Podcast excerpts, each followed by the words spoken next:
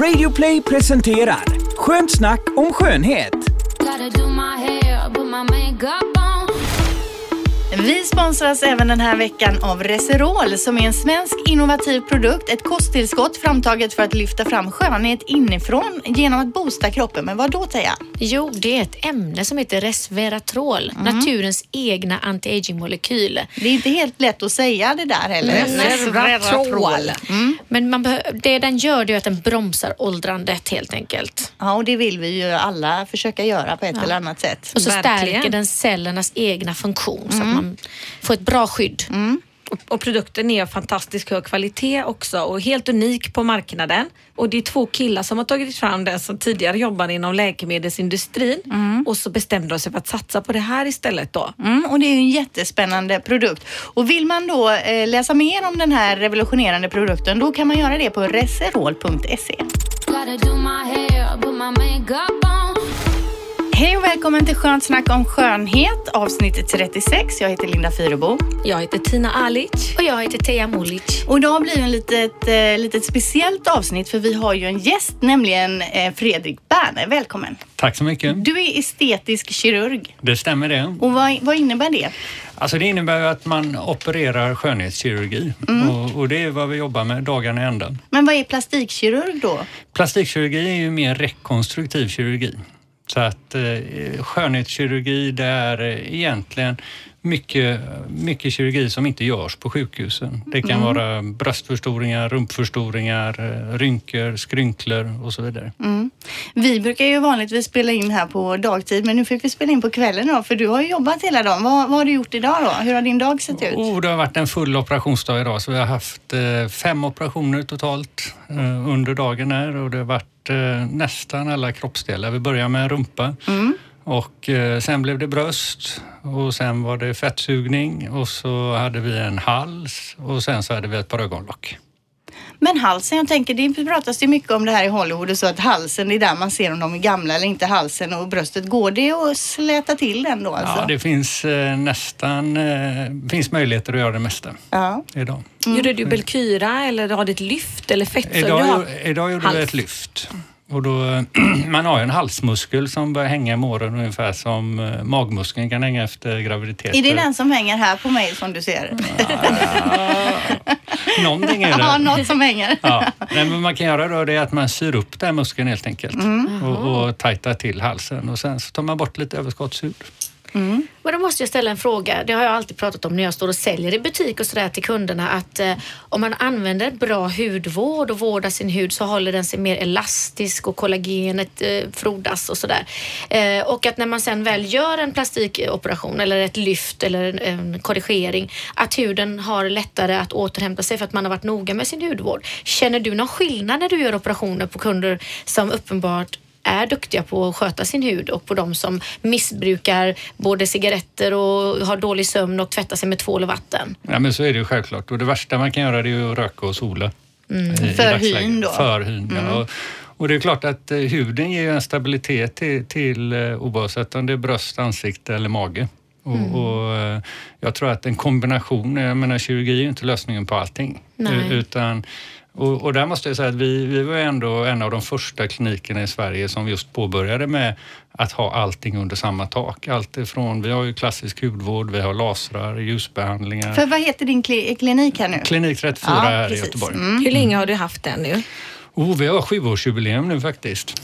Jag måste ju säga att jag har besökt er ett par gånger och det är den trevligaste kliniken jag har varit på. För du har ju varit på de flesta. Ja, jag har varit runt och jag testar nästan ställena med att komma med lite ortenjacka från Angered och vara liksom eh, enkel från jobbet och man blir verkligen bemött som en prinsessa av din Ja. underbara personal som tar emot den där. Vad glad jag blir att höra det. Mona. Ja, vilket Du sjunger ju betyg. till dem på din Facebook såg jag när de fyller år. det och måste man göra. Ni har verkar ha ett eh, väldigt bra Mm. team Nej, men där. Vi är ett härligt gäng och, och eh, totalt så är vi eh, 12 stycken Mm. som, som jobbar och så har vi lite narkosläkare som kommer och går också. Men, men vi är ett gott gäng och, och eh, vi pratade om det senaste idag, ja, det är korta vägar, alla hjälps åt och, och, och tillsammans handlar det om att göra det bästa för patienten. Men jag tänker då estetisk kirurg, hur blir man det då? Vad har man för utbildning då? Jag är ju kirurg i grund och botten. Och, Så du kan eh, även operera in och ut ett hjärta då?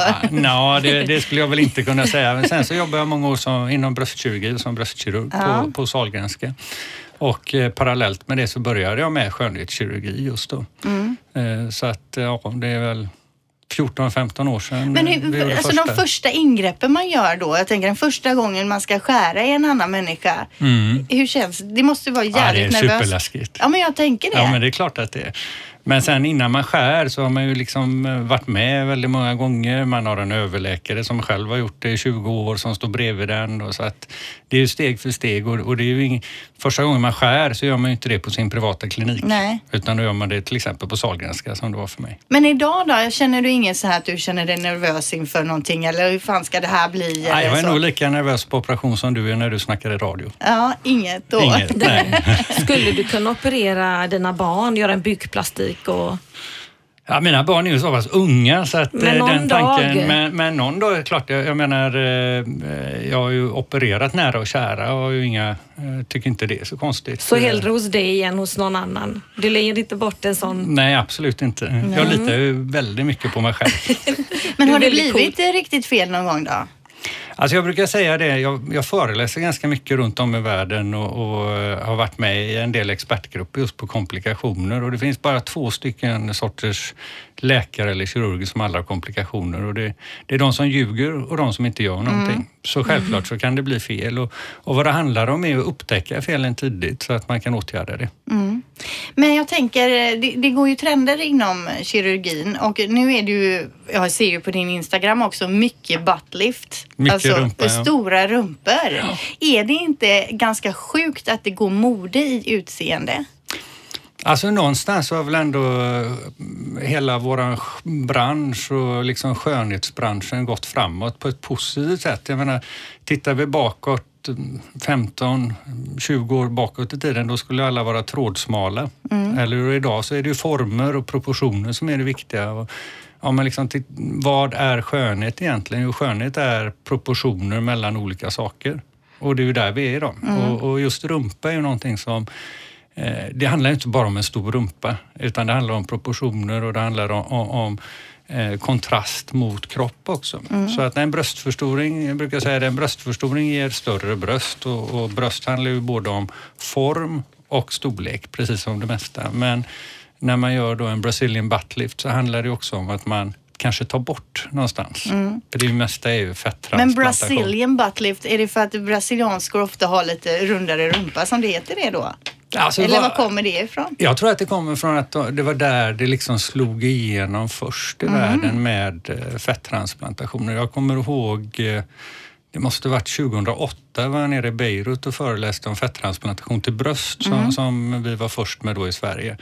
Och då var det en eh, 75-årig brasiliansk eh, kirurg med på samma kongress och berättade att det här höll han ju på med för 30 år sedan och då var det nytt hos oss. Jaha. Så att eh, det har varit, eh, det kommer ju från Brasilien mycket av detta och de har ju tittat mer på rumpor än vad vi har gjort i Europa och Det västvärlden. har varit bröst tills nu. Ja, precis. Vi har ju pratat om det i tidigare program att du syrran Tina då eh, alltid kände sig som en blottare i kroppen förut.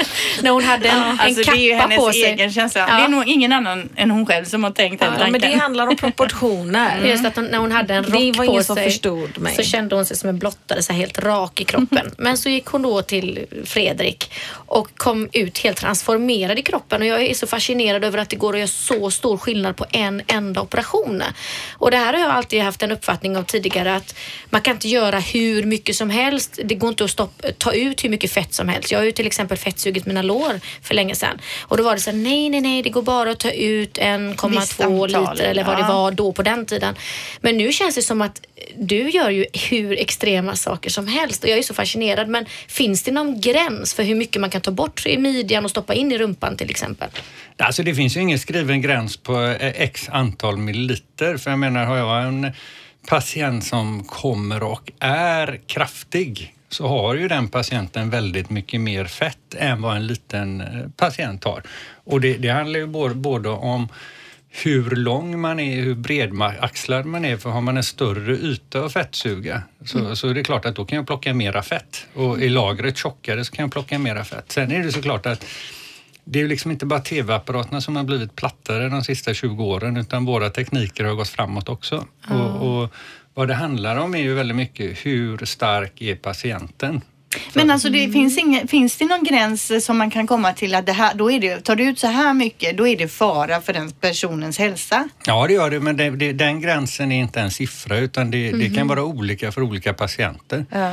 Eh, beroende på hur gammal man är, hur vältränad man är, vilka andra sjukdomar man har, om man har gjort andra operationer och är det kombinationsingrepp. Men sen så teknikerna, till exempel vid fettsugning som vi använder idag, de är väldigt mycket mer skonsammare än det som var tidigare, vilket gör att man kan ta ut väldigt mycket större volymer. Och jag menar, även min teknik jämfört när jag började göra fettsugningar för mer än tio år sedan så är det klart att jag gör Skillnad. bättre fettsugningar idag och kan göra dem, ta bort mer och Men, ändå men vara kan du göra en tjock person smal? Nej, det, det tycker jag inte att fettsugning handlar om. För det handlar inte om viktnedgång, det handlar inte om att göra tjocka, smala, men det handlar om att göra proportioner. Så att istället för att vara då eh, Blottar så rak. fy- kylskåp så, så, så kan man istället få kurvor och former. Och jag brukar säga det att jag kan skapa formen och sen så får patienten välja hur stor eller lite formen ska vara beroende då på diet och träning. Men då undrar jag så här, om nu då man fettsuger sig Mm. och sen så har man semester, man lever livets glada dagar, går upp i vikt. Mm. Är det lika lätt att gå upp i vikt och, som det var innan? Absolut. Ja, och var hamnar det då? Då hamnar det inte där utan då hamnar det kanske helt oproportionerligt någon annanstans då? På rumpan. Då hamnar det någon annanstans? eller? Ja, alltså grejen är, per princip kan man ju säga att du har ett visst antal fettceller och de tar ju upp och ökar i storlek. Det är det som händer när vi går upp i vikt. Och har man då fler fettceller på ett ställe och färre på ett annat, ja då ökar ju storleken mer där. Och det har vi eh, några patienter som har gått åt det extrema hållet och liksom ätit upp sina rumpor till jätterumpor och, och, och det är ju deras syfte med det hela. Eh, så att lägger du på dig vikt så, så ökar då till exempel efter en transplantation till eh, rumpa så blir rumpan större och midjan ändras inte lika mycket om den är fettsugen. Men så om man fettsuger, nu jag se om jag, om man fettsuger sig då och jag, man, om jag skulle fettsuga mig och så går jag upp fem kilo. Mhm. De fem kilona hamnar kanske inte på magen då utan då hamnar de på låren. Och då Proportionerligt kanske det blir kommer- jättekonstigt proportionerligt då. Ja, precis. alltså fem kilo kanske inte är så mycket men det är också viktigt att oavsett vilken operation man gör så är det ju väldigt svårt att förutse vad som händer om någon, inte, fem kilo är väl okej, men om man ändrar 10-20 kilo, Ja. då är det ju väldigt svårt. Så att det- alla, det måste man ju veta som patient, att går man in och gör en operation, oavsett om det är bröstimplantat, bröstlyft, ansiktslyft, rumpa, fettsugning, eh, pendla i vikt är inte bra. Nej. Min man sa ju till och med att Tina, Dr. Berner har ändrat din skugga ser ju till och med annorlunda ut när vi går ute på gatan. Otroligt att han ändå, jag, är så engagerad i dig hur du ser ut Nej, men min vi bara skugga. reagerar för att man är ju van vid den här raka skuggan. Helt plötsligt så var det timglas på marken som gick framför. Wow. Men det är väl klart att en man ska vara engagerad. Ja, det är ju jätteroligt. Men jag, det, jag kom ju hem och hade klippt av hår. Nej, jag hade förlängt håret hos Tina med kanske t- 30 centimeter. Det var ju ingen som märkte Det hemma inte överhuvudtaget. Och Då gick man ändå och slängde så här och stilade. Men nej, det var ju Ja. ingen Min reaktion. man var ju engagerad i en annan hårfråga innan jag ska in på operation varje gång. Förut var jag så nojig över narkosen. Jag har varit så fruktansvärt rädd för att inte vakna för jag har lågt blodtryck så jag har fått för mig att det här är farligt. Men nu har jag ett annat dilemma och det undrar jag om du någonsin har hört någon ha. Men det har de säkert utan att våga säga det. Och det är att man inte vet om man ska raka sig där nere eller inte. Och man tänker sig om man är lite fet och lite gammal och rakar helt, då kanske det ser jättefult och fel ut. Men har man all busch kvar så ser det ohygieniskt ut. Och om man bara friserar så har man engagerat sig känns som för mycket. Så att jag står alltid med rakhyveln och undrar vad jag ska göra och ringer mina vänner och frågar min man. Så sa jag, men han, han, jag tror att Dr. Berna är mer professionell, så att han, han tittar väl inte så på saker. Men det hade jag gjort om jag opererade Dr. Nej men Berna. Tina, Jag hade varit tvungen att Alltså, undra sånt. Men, men vad det handlar om, och jag kan svara på det, det, det är att vi vill inte ha massa hår där vi ska operera. Tack. Så det, det, beror ju, Så du- det beror ju lite grann på vilken operation man ska göra. Så kom, kommer du och, och ska fixa brösten då får du vara hur hårig du vill där nere. Det spelar liksom Mm. ingen större roll för oss. Du har byxor på dig ändå. Men om man gör magfettsugning så man vet att liksom... Ja, för, och det handlar ju om att det är lättare för oss att eh, sterilisera och det, det liksom minskar risken för infektioner. Men samtidigt, och, och det här informationen ger ju våra skö- sköterskor till patienterna innan och då ska, man ska ju inte raka sig samma dag utan gärna eh, någonstans 24 till 48 timmar så man inte har en massa småsår när man kommer efter rakningen. Då. Det är man ska det jag gillar med Nya är hyvlar och så vidare. Professionell och lugn, Mm. alltid. Men jag tänker på det här vi pratade om med, med fettsugning också. Kan du suga ur fett ur mig och eh, lägga in det på Tina till exempel? Inte än. Nej, men kommer det att kunna ske så i framtiden? Jag vet faktiskt inte och det är klart att eh, där det är viktigare att kunna transplantera organ är ju vid eh, till exempel hjärttransplantationer, lungtransplantationer. Det vi gör är ju liksom inte livsnödvändigt på något sätt. Och det kom, jag vet att det görs ju väldigt mycket försök att framställa artificiellt fett för att kunna transplantera men, men jag har inte sett några bra data på det ännu. Och det är ju den enda begränsningen. Man kan göra, om vi då pratar om rumpor, rumpa kan man göra på tre sätt. Antingen med fett eller med silikonimplantat eller kroppsfiller. Och vi, vi gör alla de här metoderna. Fett är det vanligaste och, och egentligen enda anledningen man väljer kroppsfiller eller implantat det är när fettet inte räcker till. För att Men- man, man har ju liksom bara de naturtillgångarna som patienten kommer med. Jag kan inte ringa ett företag och beställa nu vill jag ha tre liter fett till Linda. här." Men alltså du, du, du säger att nu för tiden i bröst och så lägger man inte in de här Nej, nu silikoninläggen lika det bara om ofta. rumpa. Ja, det var ru- rumpa ja. Ja, precis. Ja. Men, men i bröst så är det ju mycket vanligare med silikonium. Ja. Där fyller man inte på med annat fett.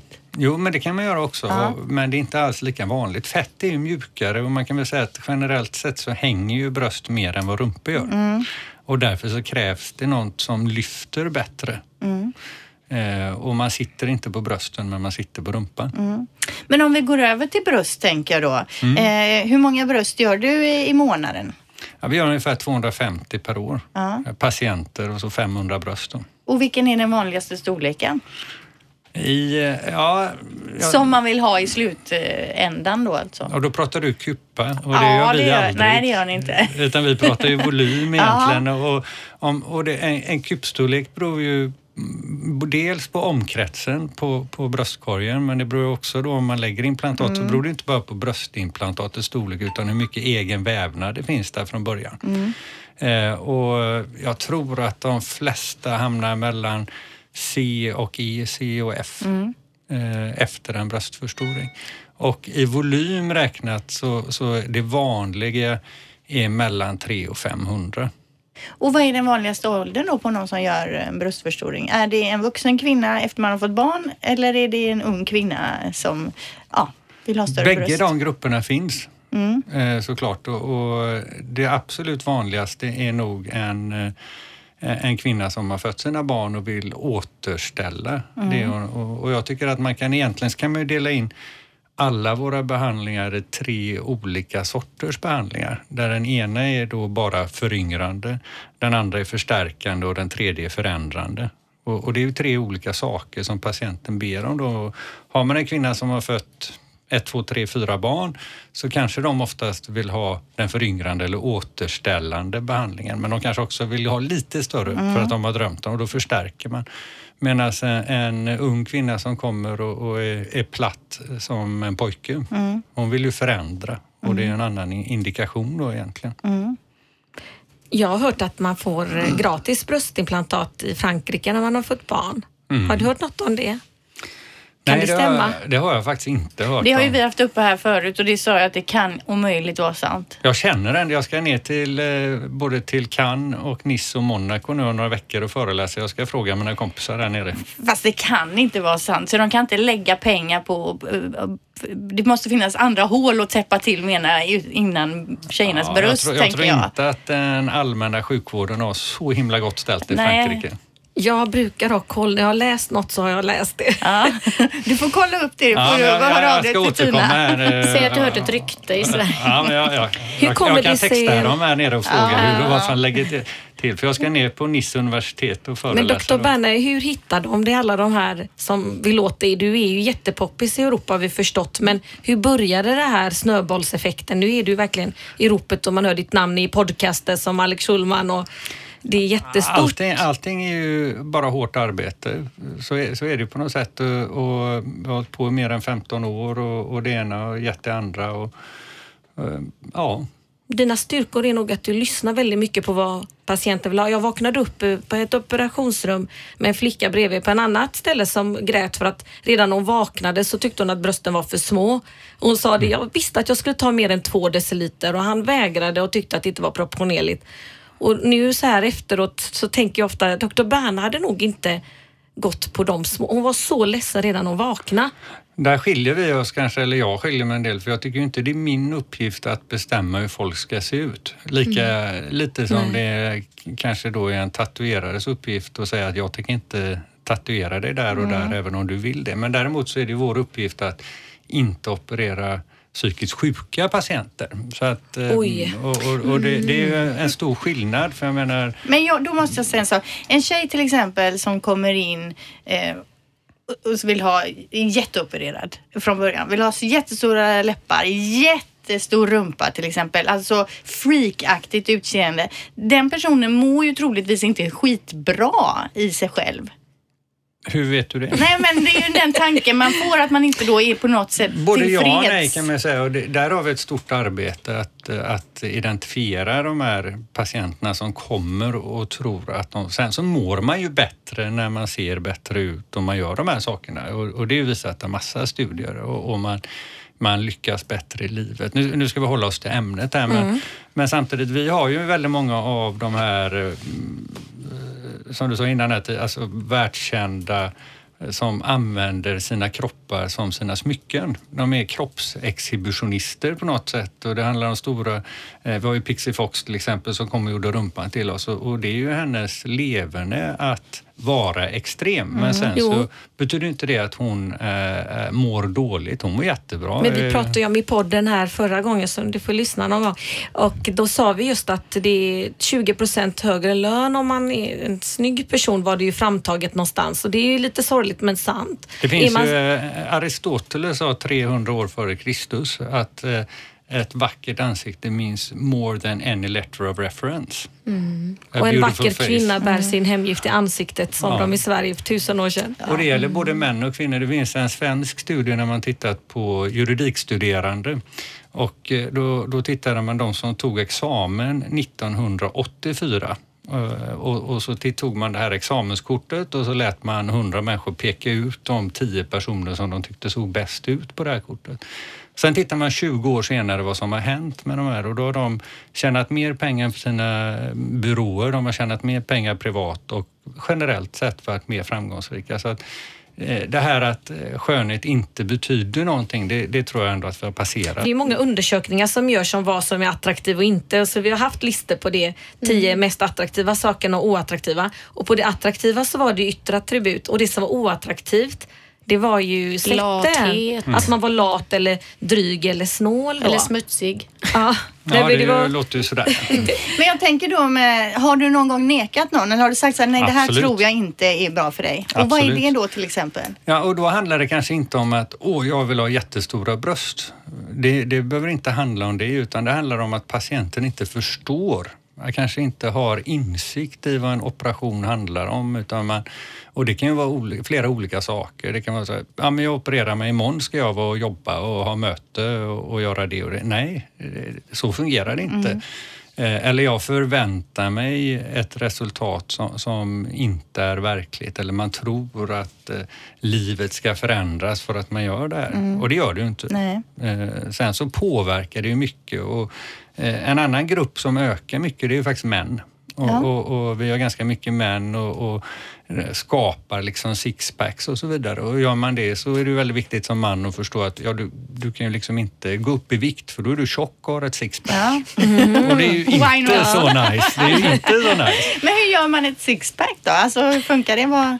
Nej, det, det, det är ungefär som att skulpturera i fettet då, Aha. egentligen. Så Men när då, vadå, då suger du typ ut ett eh, sixpack, men kan, man, Ja. kan fettet, håller det sig där eller? Det håller sig om eh, Sätter man- patienten håller vikten men det är klart att och, och går, går man upp mycket i vikt så är fortfarande eh, markeringarna kvar men Och du man är tjock. skulpterar mig med en champagnerand och eh, sixpack faktiskt. Och det syns fortfarande. Mm. Det, det, Jag har gått upp lite men det fortfarande ser ut som att jag gör sit-ups varje kväll.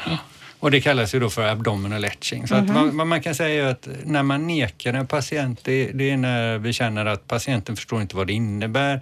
Patienten mår inte bra psykiskt eller fysiskt. Det kanske är att man, man kommer och är storrökare och har diabetes och vill, vill göra en operation och det medicinskt inte är rätt att göra det.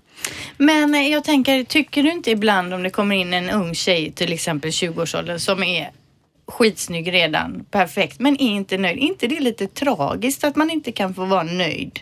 Jo, men man, det finns också någonting, det beror på vad det handlar om såklart. Och, och en sån ung tjej kanske de kommer för att göra just en, fillerbehandling på näsan. Kort, enkelt, det tar tio minuter och det kanske betyder väldigt mycket för dem. Eller de vill piffa till läpparna eller de har en A-minuskupa, kanske inte 20 för det är sällan vi opererar 20-åringar utan det börjar snarare vid 25. Men, men de kanske har A-minuskupa och vill ha en vanlig B-kupa och då, då tycker jag väl det är okej. Och man behöver inte vara missnöjd heller för att operera sig. Utan man kan ju vara nöjd och lycklig och, och, och trygg med sig själv men ändå vilja förbättra det. Det är ungefär som att du kan ju gå till Tina och fixa håret även om du tycker att du har ganska snygg frisyr. Va? Eh, Och du tar hand om dig själv och så vidare. Men eh, jag tänker på det här lite vad det kostar att operera sig. Mm. Det, eh, vad ligger en bröstoperation på? Vanliga Ungefär. eh, silikonimplantat ligger på 49 000. Och en sån här rumpa då om man vill göra ett buttlift? Ja, det beror på hur mycket man ska fettsuga Aha. och, och det är från 59 000 upp till 120 kan det kosta. Ja. Och, och, och om man gör eh, till exempel ansiktet, om man vill göra ett lyft eller?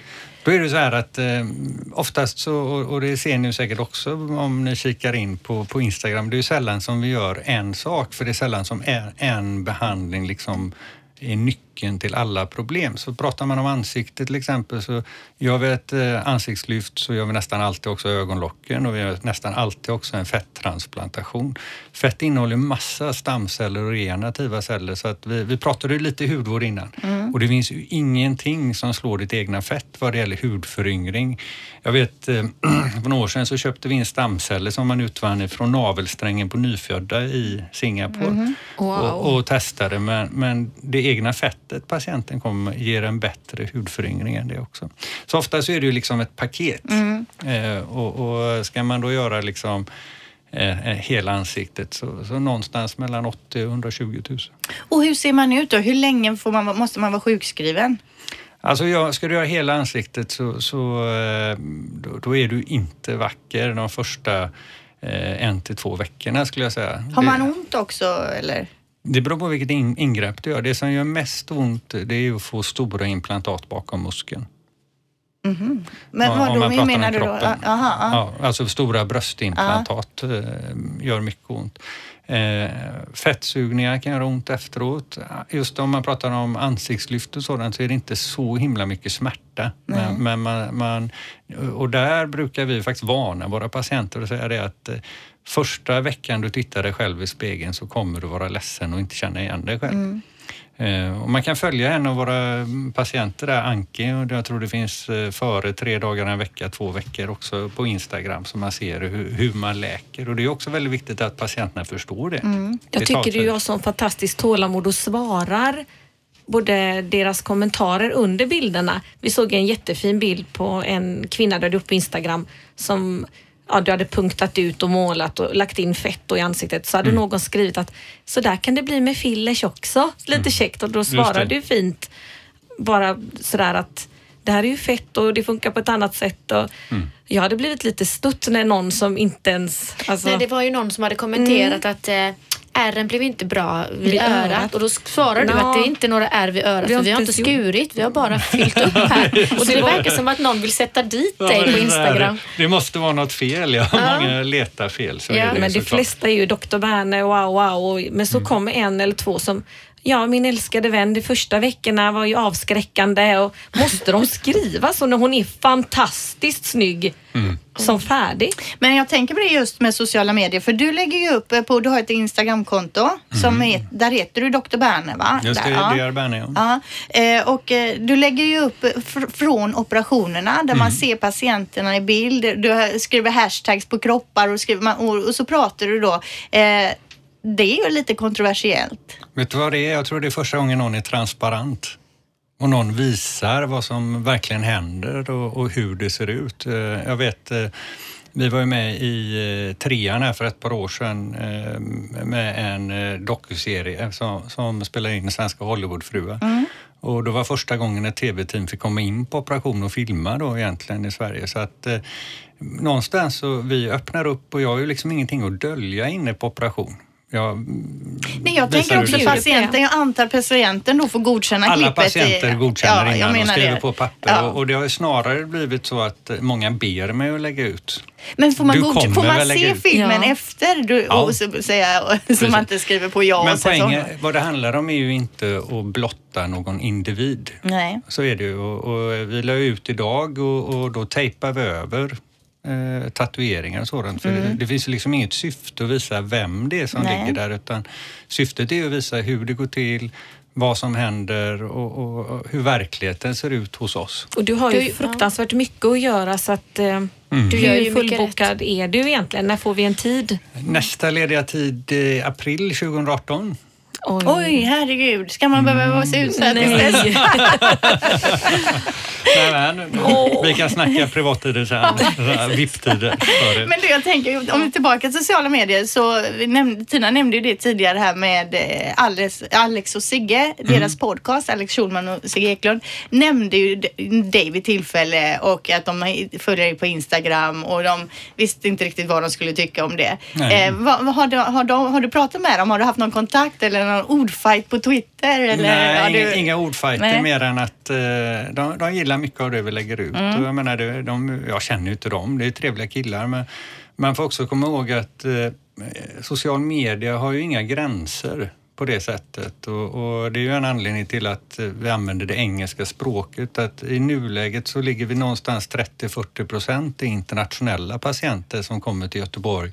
Så vi har patienter som, som, som kommer från hela världen för att göra olika ingrepp eh, hos oss. Då. Och det är klart att då blir kommunikationsspråket blir engelska. Och folk hittar oss oavsett om de bor i USA, Brasilien, Australien. Och vi hade ju en tjej som hon bodde på en ö emellan eh, Australien och Söderhavet och Oj, flög exotiskt. hit liksom, Ja, eh, wow. för att göra en fillerbehandling i ansiktet. Men varför då, då? Då har hon liksom fått kon... Då har hon snokat reda och, Instagram. och, och det är ju många som, det finns ju olika, vi- vissa patienter de läser allt och absorberar allt och så Men jävla fastnar man dyr för operation för henne. Resan included. Och... Men, men det är ju Det är också de så här syns att och eh, det är stor skillnad på kanske mm, gå och köpa ett klädesplagg eller göra någonting med dig själv och kroppen. Jag menar, det är jätteviktigt Mm. att välja rätt. Syrran, tänk vilken tur vi har att världens bästa kirurg bor i Göteborg.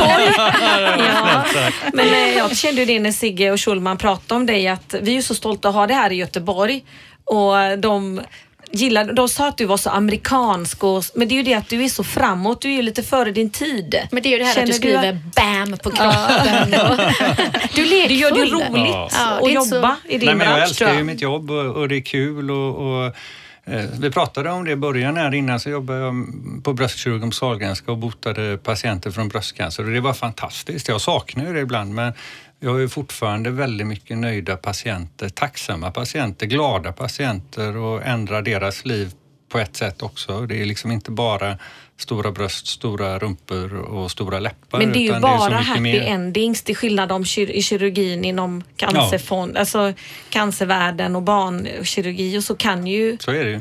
Så Det här är ju happy endings. Så allting är ju positivt och, och vad det handlar om är ju det är en jättestor skillnad att jobba på sjukhus eller, och, och jobba med sjukhussjukvård och privat sk- skönhetssjukvård för att vi löser inte problem utan vad vi gör är att vi uppfyller drömmar för våra Precis. patienter. Alla patienter kommer med en dröm, en förväntning och den ska vi åtminstone uppfylla och allra helst ska vi överträffa den. Men du då som är så inne i, i branschen, ser du med en gång när du träffar någon och hon har gjort det och han har gjort det. Tänker du, lägger du märket till det när du möter folk? Jag kan berätta för dig sen vad du har gjort. Ja, ja det är inte mycket. Nej, alltså självklart så jag kan ju se sånt men det är inte så att jag går omkring och analyserar Nej, men jag folk i min tänker att det blir en omgivning, sån här liksom. jobbgrej. Nej, som jag man- får ofta den frågan och, och särskilt på middagar kan det ju liksom och efter Mhm. tjejer har druckit tre, fyra glas vin va, då, då kommer alla frågor. Och, Det är de och som mig, liksom, när jag nej, men- inte är full. Och vad har jag gjort och Ja. vad, vad, vad ska jag göra och så vidare. Mm. Men, men jag menar, jag är ju en människa också och det är inte att jag går och analyserar folk överallt och säger du borde göra det eller nej, herregud, ja. det, det där är det- det gjort. Nu är vi frisörer. Vi kan... Sen jag menar, det är ju jättestor skillnad på en, eh, vad ska man säga, en eh, rynkig panna och en botoxpanna. Det är ju svårt att liksom ta miste på. Och det, är ju, det är ju klart att eh, samma gäller ju mycket vad det gäller kroppar och sådant. Och jag ser ju direkt vad någon har gjort om jag tittar. Mm.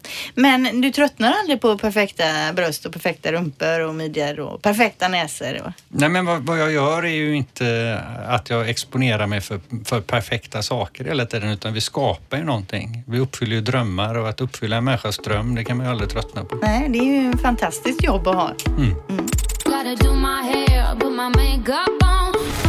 Jag och syrran, vi pratade om det i ett tidigare program, det här att man eh, ofta får göra om en operation för det är inte alltid den blir bra från start. Som, som din eh, fina buttlift som Dr. Berner gjorde, det är ju inte väldigt vanligt att det sker från start, att det blir så rätt. Det har alltid Många- varit rätt, rätt eh, där på den här Ja. kliniken. Men det är inte alltid det är så. Jag kan tänka mig att det säkert händer hos dig också att, att kunden kommer tillbaka och det kanske inte blir riktigt deras eh, förväntningar eller ja, att de känner att de vill göra det på ett annat sätt och så.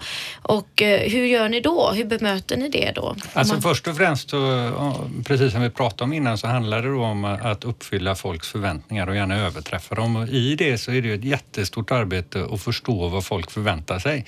För att även om ni är systrar så kanske ni vill ha två helt olika saker och om jag skulle göra en sak på dig Teija så kanske Tina hade älskat det eller tvärtom. Ja. Eh, Så där, först och främst gäller det att förstå vad folk är ute efter och vad de vill ha och då går vi igenom det. Allt ifrån sköterskor som liksom provar bröst, man har ett särskilt system där man får prova storleken på bröst och, och jag vet att eh, många av mina kollegor tycker det är jättejobbigt när patienterna kommer med bilder, så här vill jag se ut. Det tycker inte jag alls. Jag tycker det är jättebra och jag har killar som kommer med Brad Pitt och han som är stjärna i The Vikings och allt möjligt och, gulligt. och vill ha den ansiktsformen. Och det, det är jätte, Bäcken i Vikings där, är det, är det Ja, jag Ragnar Lodbrok då eller? För det Ja, är han- mitt frikort nämligen. Ja, Så men det är jag det säkert han. Men det finns en kille där? i Göteborg som ser exakt likadan Jaså? ut nu. Jaså? ja, jag får ut och vandra på gatorna Ja, precis, precis.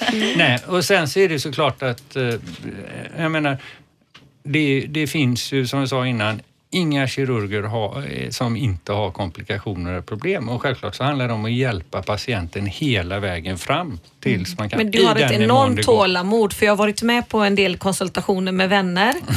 Och då sitter man nästan med skämsmössa på för att du är sådär lugn och vi förstår varandra och du visar lite foton för och efter och det är Och, och, jätte... jag, jag tror att där är ju det stora arbetet. Jag menar, förstår inte jag vad en patient vill ha, det spelar ingen roll om jag då är superduktig på det jag gör. För att jag kanske skapar någonting som just du inte vill ha eller någon annan vill ha.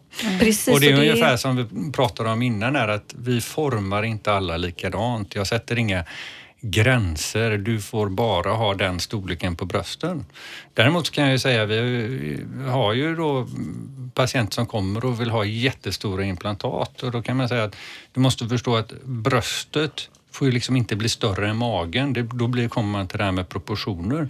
Så att är man 1,50, ja då blir det ju väldigt konstigt att ha 1500 Vill man se brösten när du står bakom Medan dig? är man 1,85 lång, då kan man utan problem ha 1000 ml i brösten utan att det ser konstigt ut. Mm. Och där kommer mitt ansvar. Jag vill säga att storleken är patientens val, formen är mitt ansvar. Mm. Men går man över en viss storlek, ja då kan ju inte jag ansvara för formen. Nej. Proportioner alltså. Som Gör du Precis. Penisförstoringar? Penisförstoring är ju någonting som eh, vi för, vad är det nu, kanske 8-10 år sedan kom det på tapeten. Och, och man, penisförstoring kan man göra på två olika sätt. Det, det ena är ju längden och det andra är bredden. Eller hur? Yes. Mm. Och, och att göra en förlängning som sådan är ett stort ingrepp och det, det kan påverka styrsel och annat. Så att eh, för ungefär 8-10 år sedan när hela fillebranschen växte upp och, och det liksom slog igenom det här med läppförstoringar och sådant och, och det kom då de första kroppsfillen, vi gjorde bröst och, och så vidare. Då, då, då var jag ganska engagerad i just det här med penisförstoringar med kroppsfiller. Och tanken var ju då liksom att eh, ungefär som tjejer fixar lite större läppar så det finns ju väldigt få killar som kanske inte vill ha lite större snopp. Så, så oavsett eh, ursprungsstorleken om man säger. Det känns som väldigt komplicerat Ja, organ men, och, och, och då liksom- var vi på en del möten och, och eh, nere på Palma var jag på en del eh, expertmöten och, och slutsatsen på alla de här mötena det var ungefär the shorter the grass, the higher the tree. Så att eh, innan man gör sin penisförstoring så kan man ju eh, träna, gå ner i vikt, kanske till och med fettsuga eh, pubisberget och eh, klippa bort lite hår så ser allting större ut. Ja. Och vi gjorde väl ja. kanske 20 stycken där och patienterna var glada och nöjda. Men är, hur, ja, hur många sådana gör de om året då? Eller, Nej, nu gör vi i princip Inget. inga penisförstoringar på det sättet men vi fettsuger ju pubisberget. Ja. Det gjorde jag senast igår på en Jaha. kille och, och då ser ju allting bättre ut. Ja. Men eh, om vi ser då på trender framöver, vad tror du kommer efter buttliftet här? Vad är nästa stora trend som vi hakar på? Ja, det var nästa stora trend. Ja, nu räcker du upp handen. Ja, vi, vi, har ju, vi har ju pratat i programmet här om just eh, vad heter det? bikektomier. smilgropar. Smilgropar. Ja, smilgropar, Vad hette ja. det sa du? Ja, det finns ju två olika saker och smilgropar är ju ganska enkelt att göra. Det kommer, det ökar allt eftersom. Det, det är ett kort och enkelt ingrepp. En annan stor grej som vi har mer och mer förfrågan, vi är inte så många kliniker som gör det i landet, det är när man tar bort små fettkuddar i kinden för, för att ta bort, eh, skapa mer liksom eh, struktur och form på ansiktet. Det kallas då för buccal fat pad removal. Jag vet inte vad jag ska säga på det svenska, alltså svenska bukalfettsborttagning.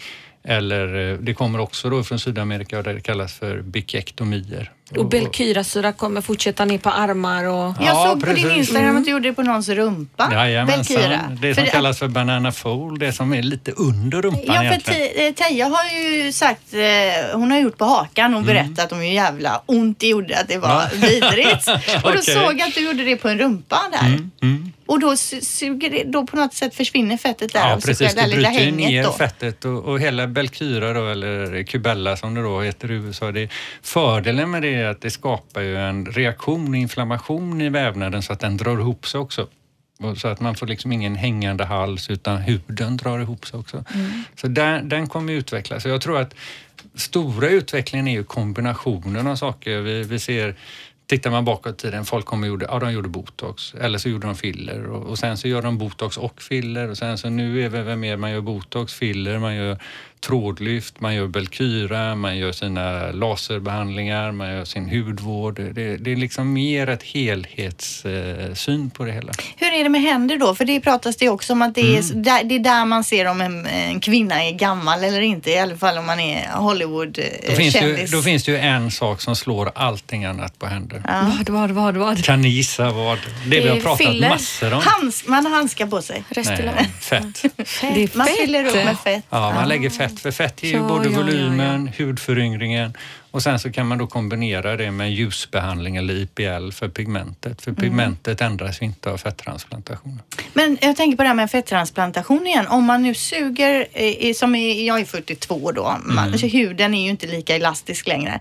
Om man då suger eh, bort ganska mycket fett, har huden den förmågan att dra ihop sig då fortfarande? Det finns ju inget generellt för hudar i 42-årsåldern utan det kan ju vara olika. Och det, det är också olika för dig på olika platser på kroppen. Så att det, det, området som är, det finns två områden som är känsliga och det är magen och särskilt magen på kvinnor som har haft bebisar inuti för då har den varit uttänd. Och vissa som har, har varit gravida så har inga bristningar och, och är tajta i huden och de kanske har smörjt sig då under graviditeten och skött huden. Medan andra kan ha hur mycket bristningar som helst och då kan det ju krävas en bukplastik till exempel. Insida lår är ett annat sånt eh, känsligare område och självklart får man ju anpassa varje fettsugning till hur patienten ser ut och vilket område det är. Och Vilken är den svåraste operationen att göra? Vilken har du, har du någon som, som du känner sådär, oj, det där blir tufft på Vad fredag? komplicerat. Alltså man kan säga det finns ju olika delar i det hela och, och vi, gör ju, vi opererar ju väldigt mycket. Vi opererar tre dagar i veckan. Vi, vi gör, beroende på storleken på operationen, mellan tre och sex operationer per dag. Och så gör vi det här liksom år in år ut så att det, vi är ju inte oroliga eller rädda för någon operation som kommer till oss. Sen Nej. så är ju, vissa operationer är ju känsligare. Eh, en av mina gamla kursare som jag pluggade med en gång, han, han eh, doktorerade ju nu på plastikkirurgen på Sahlgrenska på Sahlgrenskas bröstlyft och då tittar de på bara lyft utan implantat och, och inom sjukhusvärlden då så var det 30 procent som hade sårläkningsproblem, vilket är jättehög. Och vi ligger kanske då på 5 procent och har implantat. Men 5 procent i en privat verksamhet är, är, är väldigt, väldigt stort. Så att det vet vi ju alla till exempel. Gör man ett stort ingrepp med bröstlyft, bröstimplantat och så kombinerar de det med en bukplastik eller fettsugning och rumpa. Det är klart att då, då måste man ju ta extra väl hand om den patienten och vara extra vaksam. Vad, kan någonting hända efteråt? On. Jag tänker på vårt liv som går i sånt högt tempo nu. Det är mycket stress och, och sådär. Eh, läker huden sämre när man är i en väldigt stressad tid i sitt liv?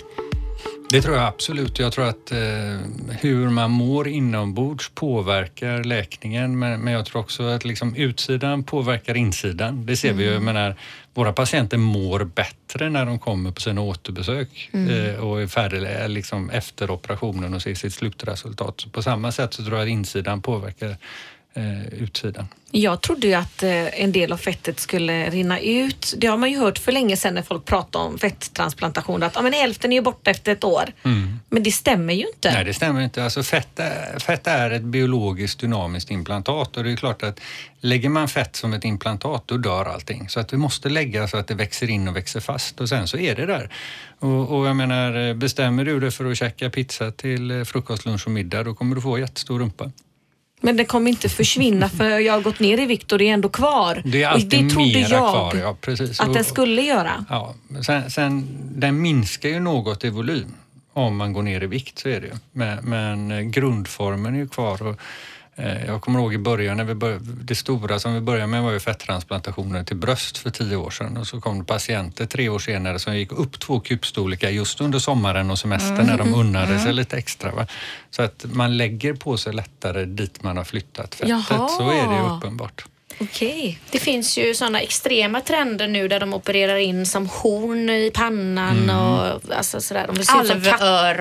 Och, och- är, har, är det någon trend du har känt av? Är det någon som frågar dig? Alltså vi, man kan väl säga mm, någonstans så, så är vi ju pionjärer i det vi gör men, men det finns ju också gränser måste jag säga. Så att eh, den sortens grejer håller vi inte på med. Nej.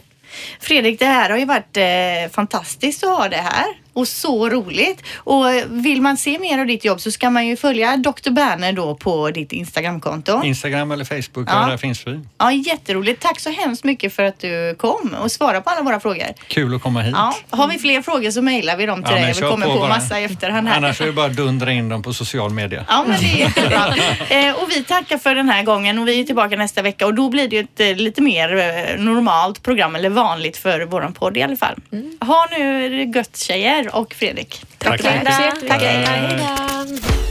Du har lyssnat på podden Skönt snack om skönhet på Radio Play.